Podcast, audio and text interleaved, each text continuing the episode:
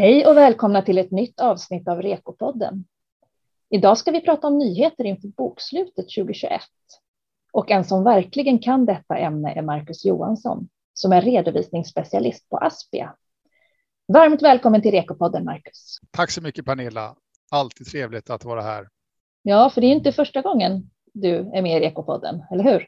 Nej, det har blivit lite grann av en jultradition faktiskt att jag får vara med i Rekopodden. Det är lite som eh, jultomten. Jag tror mm. till och med att det kan vara tredje året eller något sånt där. Ja, Så det, det är roligt. Mm. Välkommen. Eh, och jag har också med mig Camilla Karlsson som är auktoriserad redovisningskonsult på FAR. Välkommen du också Camilla. Tack så mycket. Och jag som leder samtalet heter Pernilla Halling och är kommunikationschef på FAR. Marcus, jag tänker att vi går direkt till huvudfrågan. Är det några nyheter inför bokslutet 2021? Ja, det är en sån här fråga som man ställer sig varje år, Pernilla, och eh, så tänker man, nej, men det har väl inte hänt någonting. Och så börjar man skrapa lite på ytan så märker man att jo, det var lite saker i år också. Lite undertecknande och lite bundna överkursfonder och lite pengar från AFA och så där. Så att jo, men det har hänt lite saker under året faktiskt. Det låter bra. Då börjar vi med undertecknande tänker jag. Vad är det som är nytt där? Ja, eh, äntligen så har vi fått lite klarhet i det, för det har varit en fråga som har bekymrat många senaste åren. Det här med när är egentligen en årsredovisning avgiven som man pratade om tidigare. Var lite oklart där. Var det när den var påskriven eller när man hade styrelsemöte och så där. Nu har Bokföringsnämnden satt ner foten och sagt att den årsredovisningen är upprättad, är det nya ordet som gäller, upprättad först när samtliga som ska skriva under årsredovisningen har skrivit under. Så att glöm begreppet avges, det är borta. Nu pratar vi upprättad och det är när alla har skrivit under. Tydligt och bra. Eh, Camilla, eh, är det något man som redovisningskonsult ska tänka på särskilt när det gäller underskrifter? Eh, ja, det är det ju absolut, för när man upprättar årsredovisningen då ska man ju också se till vad som har hänt efter balansdagen. Och här är det ju faktiskt fram till när den sista personen har skrivit under årsredovisningen, det är det man måste beakta. Eh, så det jag vill skicka med är se till att eh, om det är en större styrelse att man faktiskt skriver under det här helst på samma dag eller i varje fall inom en till två dagar så att det inte händer några större förändringar efter balansdagen som man måste beakta. Mm. Marcus, du nämnde också Fora och då tänker jag, många företag har ju fått en utbetalning från Fora gällande AGS. Och när ska den redovisas och under vilken post i årsredovisningen? Ja, eh, det där är en intressant redovisningsfråga ur många aspekter. Att eh, AFA, Sjukförsäkrings AB, helt plötsligt fick för sig att betala ut pengar. Eh, och om man tar det lite grann från, från, från början så så kom det ett pressmeddelande här 11 juni eh, om att det skulle komma pengar någon gång, inte hur mycket och så vidare. Men 11 juni visste vi om det och eh, det innebär att då alla bolag som har bokslut sista juni och senare ska boka upp det här som en fordran i sin årsredovisning. Eh, och det skälet till det hela, det, är, det här är en sån här typisk händelse som bekräftar förhållanden som förelåg på balansdagen man hade information om det hela, men man var lite osäker. Sen får man tydliggörande här i oktober och då ska man alltså ta upp det i bokslutet. Och där har också Bokföringsnämnden förtydligat och sagt att i K2 så ska vi redovisa som en övrig rörelseintäkt i resultaträkningen. Och betraktar man som en exceptionell post ska man ju också lämna notupplysning om det här i årsredovisningen. Om vi då har ett K3-företag så öppna bokföringsnämnden upp för ett alternativ om man tycker att det ger en mer rättvisande bild, att man kan redovisa det som en kostnadsreduktion. Eh, jag skulle säga att det är ganska ovanligt och är det så att man känner att det är där man vill hamna så rekommenderar jag att man går in och läser lite mera på Bokföringsnämndens hemsida. Så att eh, defaultläget är med andra ord övrig rörelseintäkt. Finns det några nyheter i årsredovisningslagen i år? Ja, den nyheten som vi kan ta upp är väl egentligen den som trädde i kraft första januari 21. Känns det som länge nu då. Men det var helt enkelt att eh, vi fick en eh, bunden överkursfond, vilket vi inte haft tidigare. Vi har bara haft fri överkursfond och nu införde man bunden överkursfond i lagen. Eh, och ehm, det det innebär egentligen, det är väl att man så att säga, om man då när man har en emission så måste man bestämma om det är en bunden eller fri överkursfond som man plockar in pengar till egentligen om man har eh, tecknar till över kvotvärdet. Då. Och eh, tar man in till en bunden fond så kan man så att säga komma lite snabbare i fondemissionsläge om man säger så. För man kan ju använda bundna medel till fondemission på en gång. Är det så att man lägger in fri överkursfond så måste man passera ett bokslut innan man kan använda de här pengarna till en fondemission om det är det man önskar. Så det är väl det som man kan säga om bunden och fri överkursfond och nyheter i årsredovisningslagen. Coronapandemin har ju blivit en del av våra liv och verkar ju fortsätta att vara det ett tag i alla fall, tyvärr. Och eh, även redovisningen påverkas av coronan. Så jag tänkte Marcus, om du kan berätta lite kort om Bokföringsnämndens allmänna råd med anledning av coronapandemin. Ja, eh, Boföreningsnämndens allmänna råd om coronapandemin, det var någonting som vi lite grann berörde, vill jag minnas, i senaste avsnittet av podden förra året, eh, där vi gick och väntade lite grann vad som skulle hända. Och jag skulle säga att den består egentligen av två delar. Dels del ett kan man säga, den som kom först gällde ju hyresrabatterna. Eh, och sen då kom eh, del två som gäller liksom övriga stöd. Och där problemet som var tidigare var att företagen som tillämpar K2 och K3 kunde inte redovisa stödet så tidigt som man egentligen ville eller behövde.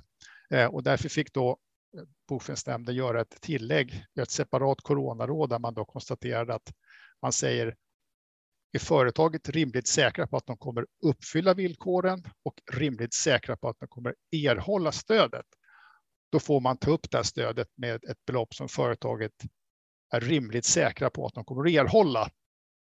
Och det som är lite roligt här är att det är väldigt mycket rimligt säkert i det här rådet på tre ställen. Eh, och eh, tittar man då vad man menar med rimligt säker så kan man säga i årsredovisningslagen pratar man om det om ni kommer ihåg när man pratar om nyttjandeperioden på immateriella tillgångar ska vara fem år om man inte är rimligt säker på att man kan ha en längre tid. Man pratar också det i sammanhanget när man pratar om försiktighetsprincipen. Man ska vara rimligt försiktig när man värderar tillgångar och så vidare. Så jag tycker det är lite svårt att liksom sätta ner foten. Vad menar man med rimligt säker? Har vi någon procentsats där egentligen? Eh, och jag har ingen procentsats annat än att rimligt säker för mig, det, det, då är man nog ganska säker brukar jag säga. Eh, och sen vad det innebär är väl lite grann eh, upp till alla att avgöra, för det finns liksom ingen procentsats där. Men, men, låt oss konstatera att man behöver vara rätt säker på sin sak innan man tar upp det här. Eh, och framför allt det som jag upplever är lätt att glömma det är att om man har valt att tillämpa det här coronarådet då, som egentligen heter BFN AR 2020 kolon 1, så ska man informera om det bland redovisningsprinciperna. Eh, så det är väl en sammanfattning tänker jag på det rådet. Och vilka upplysningar rekommenderar du då ska finnas, finnas med med anledning av pandemin? Ja, det här är med, kanske, jag vet inte om det är en känslig fråga, men det finns lite tyckande i det här, så jag kan väl säga vad jag egentligen tycker idag. Eh, och, och ehm, eh, jag tycker att det här året har vi faktiskt levt ett helt år, ett helt räkenskapsår i pandemin skulle jag säga. Eh, så att, eh, att informera hur det har påverkat företaget eh, känns ju högst rimligt tycker jag. Eh, och då pratar vi om väsentliga händelser under räkenskapsåret i förvaltningsberättelsen som man skriver om. Ehm, är det så att det har påverkat efter utgången, ja då har vi ju en notupplysning då, väsentliga händelser efter räkenskapsårets slut. Det ska vara en not. Eh, och, eh, så att jag tycker egentligen att man ska informera om det här. Sen kan då säga, nej men det har inte påverkat oss alls, så kan man bevisa det. Okej, strunta i det då, men, men de flesta företag har faktiskt påverkat, skulle jag vilja påstå, på ett eller annat sätt. Mm. Då tycker jag att det är lämpligt att man skriver om det. Men ska man även alltså upplysa om företaget inte har påverkats av pandemin, menar du? ja, det är väl här det diskuteras, men min uppfattning är, jag tycker man ska skriva någonting i vart fall. Eh, då slipper läsaren fundera på det i vart fall. Det är så jag tänker. Sen om man skulle ställa det inför domstol skulle man säkert komma fram till, nej men det behövde man nog inte, men eh, varför stretchar det så? Det är ändå första gången som väldigt många av oss upplever en pandemi och varför inte skriva någonting om det då i så fall för läsaren. Så, så tänker jag. Och det är ändå ett bevis på att man faktiskt har uppmärksammat det, annars kanske man tror att man har glömt bort det. Ja, exakt det är så jag tänker. Skriver man någonting om det så behöver läsaren inte fundera på att man har glömt det.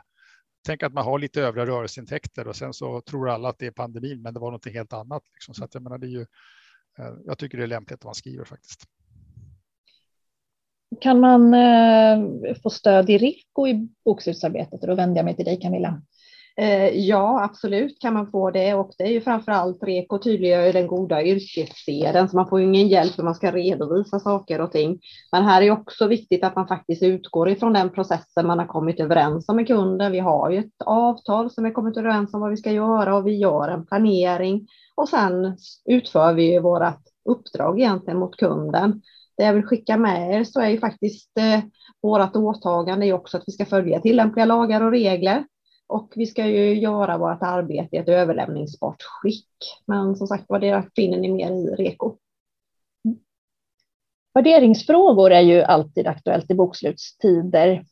Har du, eh, Marcus, några tips om vad man ska tänka på? Ja, förutom det vi har pratat nyss om, om uh, AFA-pengar och så vidare, så tänker jag att någonting som jag upplever som är viktigt är att vi verkligen förstår kanske lite sent nu inför bokslutet, då, men att vi förstår kundens verksamhet. Vad är det egentligen våra kunder håller på med? Hur tjänar de pengar? Alltså förstå intäktsredovisningen. Eh, det tycker jag är en oerhört viktig fråga, så att för annars kan vi liksom inte redovisa den rätt. Eh, och då blir det ju felvärderat kan man säga i bokslutet. Sen när man ska titta lite grann på, på värdering av omsättningstillgångar, ja, typiskt sett lager, kundfordringar, så, är det lägsta värdesprincip eh, som gäller för omsättningstillgångar. Eh, och eh, använder man till exempel inkuranstrappor i, i lager eller schablonvärdering av kundfordringar så, så är det okej. Okay, så länge man kan visa att det någorlunda stämmer överens med verkligheten. Och det är väl det som vi måste fundera på då när vi kommer till bokslutet. Hur länge sedan var det vi gjorde en avstämning av vår inkuranstrappa eller vår schablonvärdering? Har vi någonting som styrker om att den här är Eh, ganska eh, stämmer överens med verkligheten? Eh, och sen såklart händelser efter balansdagen är ju alltid intressant. Det som händer efter balansdagen bekräftar ett förhållande som förelåg på balansdagen. Ja, då ska det påverka värderingen. Gör det inte det, ja, då blir det i så fall en upplysning i förvaltningsberättelsen. Det är väl det jag tänker. Vi måste förstå kunden och fundera på händelser efter balansdagen. Det är väl mina tips, tänker jag. Tack för det. Eh, dokumentation är ju nästan ett stående inslag här i Ekopodden, eller hur Camilla? Ja. eh, men hur ska jag som konsult tänka när det gäller dokumentationen kring just värderingsfrågor? Jag blir ju så glad när Marcus också nämner det här att vi ska förstå kundens verksamhet, för det är ju ändå det som är grunden i det och här måste vi ju ha ett resonemang med kunden när vi just tittar på de här värderingsfrågorna som Marcus var inne på och det ska ni dokumentera resonemanget med kunden. Hur har man tänkt så att man faktiskt har med sig det till nästa år och om det skulle hända någonting också. Så det är kunden som ska fatta beslutet. Vi lotsar dem. Och Marcus, eh, förenklingsutredningen är ju högaktuell just nu. Ehm, kan du säga något om förenklingsutredningen och eh, bokföringslagen? Ja, jag kan väl ta upp några korta saker. Ehm, det var väl egentligen del två i den här SOU 2021 60 som gällde bokföringslagen och, och eh, förenklingar eller justeringar där. Och det finns ju några områden. Eh, Personen tycker jag väl kanske var besvikelse för det var inte jättemycket som kom ut av utredningen. Men i vart fall kanske den viktigaste är väl det här med bevarande av räkenskapsinformation där man nu säger, om jag får eh, tolka det på mitt sätt, att det är okej okay att förstöra ursprungligt material om räkenskapsinformationen överförs till någon form av digital form utan att risk för att informationen förändras eller försvinner. Och det är väl det här som vi har haft diskussioner om historiskt sett, att man fotar och man skannar och, och då måste vi spara ändå det papperskvittot, om vi säger så, eh, i tre år så det fjärde. Att man nu alltså, allt att döma har föreslagit att man ska ta bort det här och det känns ju väldigt positivt. Sen gällde det arkivering utomlands eh, och, och där eh, säger man att man inte föreslår någon ändring. Och det är ju det här om vi ska här, informera Skatteverket var någonstans vi har materialet eller om det är i vissa länder så måste vi söka tillstånd. Eh, det ska lagt kort ligga säger man. Får vi se vad som händer där, om det sker några förändringar eller inte. Men än så länge är det lagt kort ligger. När det gäller årsbokslut eh, så skulle man titta på det också. Eh, och där föreslår man heller inga ändringar. Eh, en, en möjlig ändring skulle kunna vara att om ni pratar förenkling att gör jag ett årsbokslut så måste jag faktiskt numera sitta och titta i två lagar. Jag måste titta i bokföringslagen som hänvisar till årsredovisningslagen så måste jag hålla på och slå fram och tillbaka så här för att sy ihop mitt årsbokslut. Ett önskemål skulle kunna vara där att man helt enkelt gör en årsbokslutslag kanske så att man har allt samlat på ett ställe. Det är ingenting som föreslås, men kanske en önskemål, en önskning tycker jag. Eh, gemensamma verifikationsserier eh, tar man också upp eh, och eh, jag tycker det är nästan om man nu kan säga någonting är roligt att läsa, men jag tycker det är lite kul att läsa om det där för att det känns som utredaren har redan bestämt sig från början att det här ska gå. Så man vrider nästan nacken ur led för att lyckas komma fram till det eh, utifrån gällande regler. Man tittar lite överallt i världen och säger att ja, men, eh, man kommer fram till att det här måste gå som lagen är skriven redan idag, konstaterar man. Eh, men det man också skriver, och det gäller framför allt med koncerner, det är där frågan är aktuell. Då skriver man så här, men kraven måste kunna uppfyllas under hela arkiveringstiden och även om det granskande företaget inte längre skulle ingå i koncernen, säger man. Och, och, då blir det helt plötsligt ganska krångligt, tror jag i vart fall, att kunna upprätthålla det här med, med liksom, eh, att man ska ha en obruten serie och kunna visa det och så vidare. Men man kommer fram till och säger att nej, men det här ska gå enligt nuvarande lag så att man behöver inte ändra. Eh, och då blir väl passningen till bokföringsnämnden att man kanske måste uppdatera sin vägledning om bokföring där man eh, säger att det här inte är möjligt. Då. Eh, sen är det några områden där man inte säger någonting alls, men man säger bara att det här måste man titta på när man någon gång ska titta på det, vilket är tråkigt. Eh, men den viktigaste punkten där tycker jag det är att man ser att företagen idag har svårt att avgöra om redovisnings slash bokföringsprogrammen uppfyller lagens krav. Eh, när det gäller, liksom, är det verkligen så att man inte kan låsa upp eller är en period låst etc. etc. Alltså någon form av certifiering av bokföringsprogrammen för att säkerställa att de uppfyller bokföringslagens krav är väl önskvärt. Då. Utredaren säger ingenting men tycker att det här är en fråga som man måste ta tag i. Dessutom säger man att man borde liksom se över hela lagen när det gäller liksom kontantbetalning och sånt där. Det har hänt ganska mycket.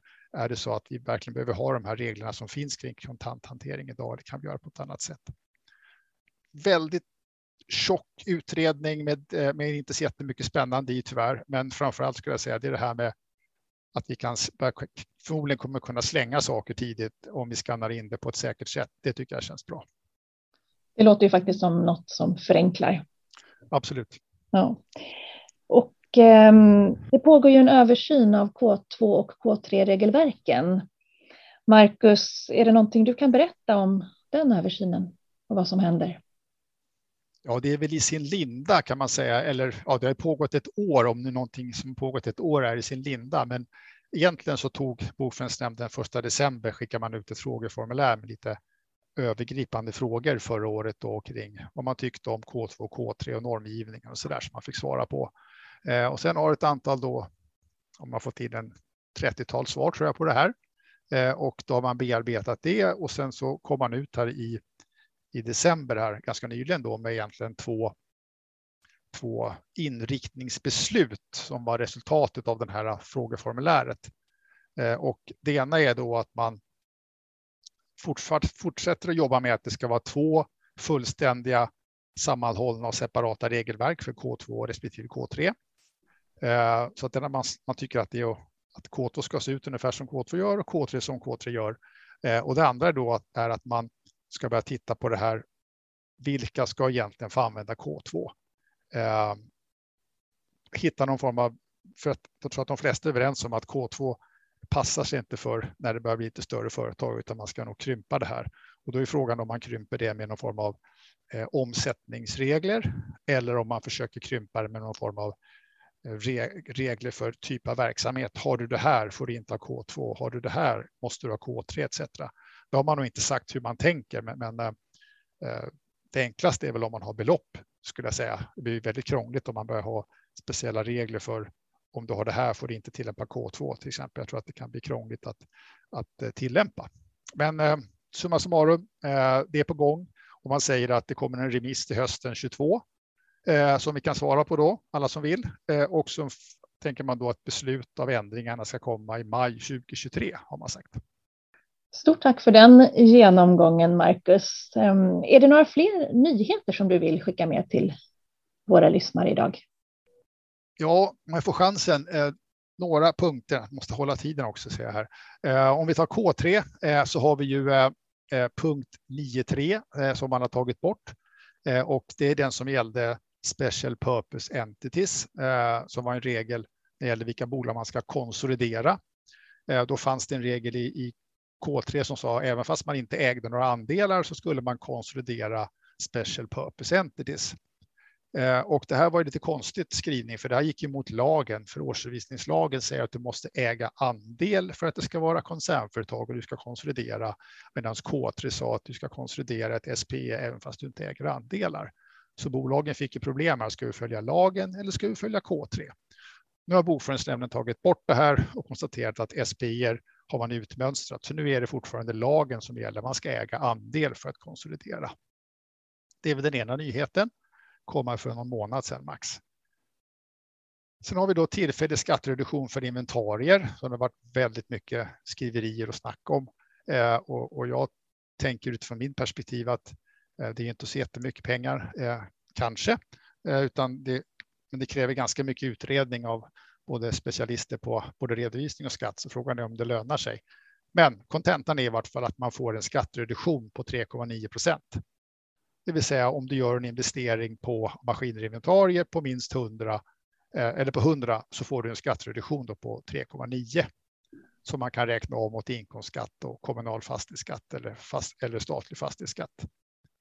Och det kan utnyttjas under inkomståret 22 Eh, och för, eventuellt föras vidare då man inte har lyckats utnyttja det till 23. Eh, det är om skattereduktionen och tycker man det där är intressant så finns det hur mycket som helst att läsa så man får borra i så att man gör rätt. Sen har vi fått ett nytt allmänt råd om fusioner som träder i kraft 1 januari 2022. Det har gällt egentligen redan nästan ett helt år, men vi har fått en dispens att tillämpa de gamla reglerna fram till och med sista december i år. Så den 1 januari nästa år så är det ett nytt eh, regelverk om fusioner. Eh, sist men inte minst måste man nog ändå ta upp det här med, med SAS-tjänster och då pratar vi inte som jag trodde från början för några år sedan att det här var flygbolaget SAS eh, utan det har att göra med software as a service tjänster. Och det som är lurigt där det är att jag kan konstatera nu att väldigt många företag när man köper olika, om det är ett affärssystem eller vilket system som helst, så äger man egentligen inte systemet utan man har tillgång till systemet på en portal som ägs av tjänsteleverantören. Och läser man då i till exempel K3 så pratar K3 om att ett förvärvat affärssystem som genom eget arbete anpassas till företagets verksamhet innebär inte att unik tillgång uppstår, säger man. Och då kan man ju tro där att, att eh, alla affärssystem ska redovisas som immateriella tillgångar. Men notera att det står förvärvat system. Eh, och i de flesta fall skulle jag säga när vi pratar om den här typen av system så köper jag inte systemet utan jag har en SAS-tjänst. Jag har alltså en tillgång till systemet på en portal som leverantören tillhandahåller. Och det gör ju det att jag har inte kontrollen över det här, det vill säga det är inte en immateriell tillgång i mina böcker. Eh, Avslutningsvis då kring det här som man diskuterar mycket nu, framförallt är det IFRS-drivet, så får vi se vad som händer i, i, i Sverige. Men de här systemen anpassas ju också, också ofta då och mer eller mindre eh, kostsamt för företagen. Och då är ju frågan hur ska vi hantera den här anpassningen av, av systemet? Eh, och där kan man säga att eh, huvudregeln är nog, skulle jag säga, att väldigt mycket av det här kommer att kostnadsföras Eh, och kan inte aktiveras för att vi har inte kontrollen över eh, det här systemet. Möjligtvis skulle man kunna få det till en, en eh, förutbetald eh, kostnad eh, om tjänsteleverantören har gjort det här. Alltså, men är det en extern part som har gjort det så är det nog svårt att få det till en fordran. Så har ni den här frågorna så kom gärna, återkom gärna till era rådgivare eller, eller läs på om det här för era kunder, för det här är knepigt och kommer säkert blåsa upp nu i samband med bokslutet, hur vi hanterar våra SAS-tjänster. Ett bra tips alltså. Ehm, Camilla, jag har hört att eh, medlemsrådgivningen får eh, ganska mycket frågor om rättelser av fel. Eh, vad är det egentligen som gäller? Mm, det stämmer. Eh, vi kan väl börja egentligen med eh, bokföringslagen, vad man säger där. Eh, där säger man ju att rättelserna ska faktiskt rättas i den perioden när man upptäcker felet. Så har man bokfört något fel i januari och man upptäcker det nu här i december, ja, då rättar man det i december månad, för januari ska ju vara låst sedan länge tillbaks i tiden. Eh, kommer vi sedan in i K2 så är det egentligen samma princip där med. Har det varit något fel under förra året till exempel som vi har stängt den och vi hittar ett fel nu i årets bokslutsarbete, ja då rättar vi det under innevarande år. Då här kan ju också trigga att det blir en liten större post och då ska det ju också notas som en exceptionell post som Marcus var inne på tidigare när vi pratade om övriga rörelseintäkter med stöden. Så att då har vi återigen den här noten med exceptionella poster. Är vi då inne i K3, eh, ja där kan man ibland säga att där rättar vi felet som det aldrig har funnits utan då justerar vi även tidigare år med rätt siffror. Men även här så gör man ju justeringen i huvudboken på innevarande år. Det är viktigt att man backar ju inte tillbaka och rättar i huvudboken på ett tidigare år. Eh, så det var väl lite kort om eh, rättelse av fel, men som sagt var det florerar mycket frågetecken där. Mm. Kapitalförsäkringar är ju ett annat ämne som det finns en hel del frågor kring. Har du något medskick där, Marcus? Jag har något litet medskick tänker jag att vi ska ta för att det är ju är det någonting som jag vet både FAR och även vi inom Aspia får mycket frågor på så är det just kapitalförsäkringar. Och, och eh, då kan man säga att själva kapitalförsäkringen är ju en tillgång som vi bokför och det innebär att när vi då gör insättningar till den här tillgången så bokför vi det. När vi gör uttag från tillgången så bokför vi det. Men vad som händer i kapitalförsäkringen, om det nu består av aktier och så vidare, massa transaktioner där, det är ingenting som vi bokför, utan vi äger ju bara den här enda tillgången. Vi har inte kontrollen, vi kan inte rösta på de aktierna och så vidare. Så det, det, är ingenting som vi bokför, utan insättningar och uttag. Sen i många fall så finns det ju en kopplad, eller man säger företagen gör en direktpensionslösning eh, till någon, någon företaget, ofta i ledande ställning. Och så vill man då säkra upp den här med en kapitalförsäkring. Och då får man ju både en, så att säga, en, en skuld och en personalkostnad och man får en tillgång i form av kapitalförsäkringen. Och då finns det en, en regel som säger att eh, tillgångens värde så att säga, ska, ska styra avsättningens storlek. Eh, eh, och eh, det man ska ta med sig där tänker jag är att man måste komma ihåg både löneskatten och är vi KT ska vi komma ihåg den uppskjutna skatten då eftersom den här avsättningen som man gör är inte avdragsgill på en gång. Så jag tycker att det här, just när det gäller kapitalförsäkringar, ser ni en sån i böckerna, kontrollera, för i många fall så finns det också en direkt pensionslösning kopplat till det här och då måste vi få med den också. Och avslutningsvis, det är en tillgång. Vi ska inte bokföra alla köp och försäljningar i den här tillgången, utan vi bokför insättningar och uttag, tänker jag. Där kan vi väl skicka med att Redu 14 är ju väldigt bra. Det finns många bra exempel också som man faktiskt kan hitta hur man ska göra just med kapitalförsäkringar. Absolut, den är ju uppdaterad sedan föregående år med lite mer exempel och så där. Och jag brukar säga ju mer vi skriver uppdaterar Redu 14, desto mer inser vi att vi inte kan. Det är komplicerat med kapitalförsäkringar och det finns många olika varianter hela tiden på marknaden, så man måste vara observant där. Och, och verkligen framför, samma sak där, vi måste läsa avtalen och förstå vad är det man har kommit överens om egentligen. I många fall så vet ju faktiskt inte kunden det själv, utan då får ju vi vara lite jobbiga och fråga det och läsa avtalen mot kunden. Ingen repopodd utan hållbarhet. Ehm, Camilla, finns det något jag bör tänka på ur ett hållbarhetsperspektiv när det gäller nyheter eller ja, inför bokslutet här? Eh, jag tycker eh, absolut vi ska ta tillfället i akt och prata med kunden om just deras hållbarhetsarbete när vi träffar dem inför bokslutet och förklara för kunden vad det innebär, vilka fördelar det är och framförallt vilken risk det är om man inte väljer att hållbarhetsredovisa. För det finns faktiskt risker kopplat till det också. Det kan faktiskt vara så att en kund väljer att inte köpa någonting av oss, att vi inte har en hållbarhetsredovisning. Eh, och den ekonomiska hållbarheten har ju ni redovisningskonsulter har ni ju redan bra koll på så att där hjälper ni era kunder redan idag med många bitar. Jag vill också faktiskt tipsa om eh, den guiden vi har, hållbarhet i praktiken, eh, som finns. Att där finns det bra stöd att komma igång med just hållbarhetsredovisningen till kommande år. Då, för det här är ingenting som ni gör till årets bokslut, utan det är en process som håller igång ett år ungefär. Det är ju faktiskt en hel del nytt att tänka på trots allt, Marcus. Eller hur?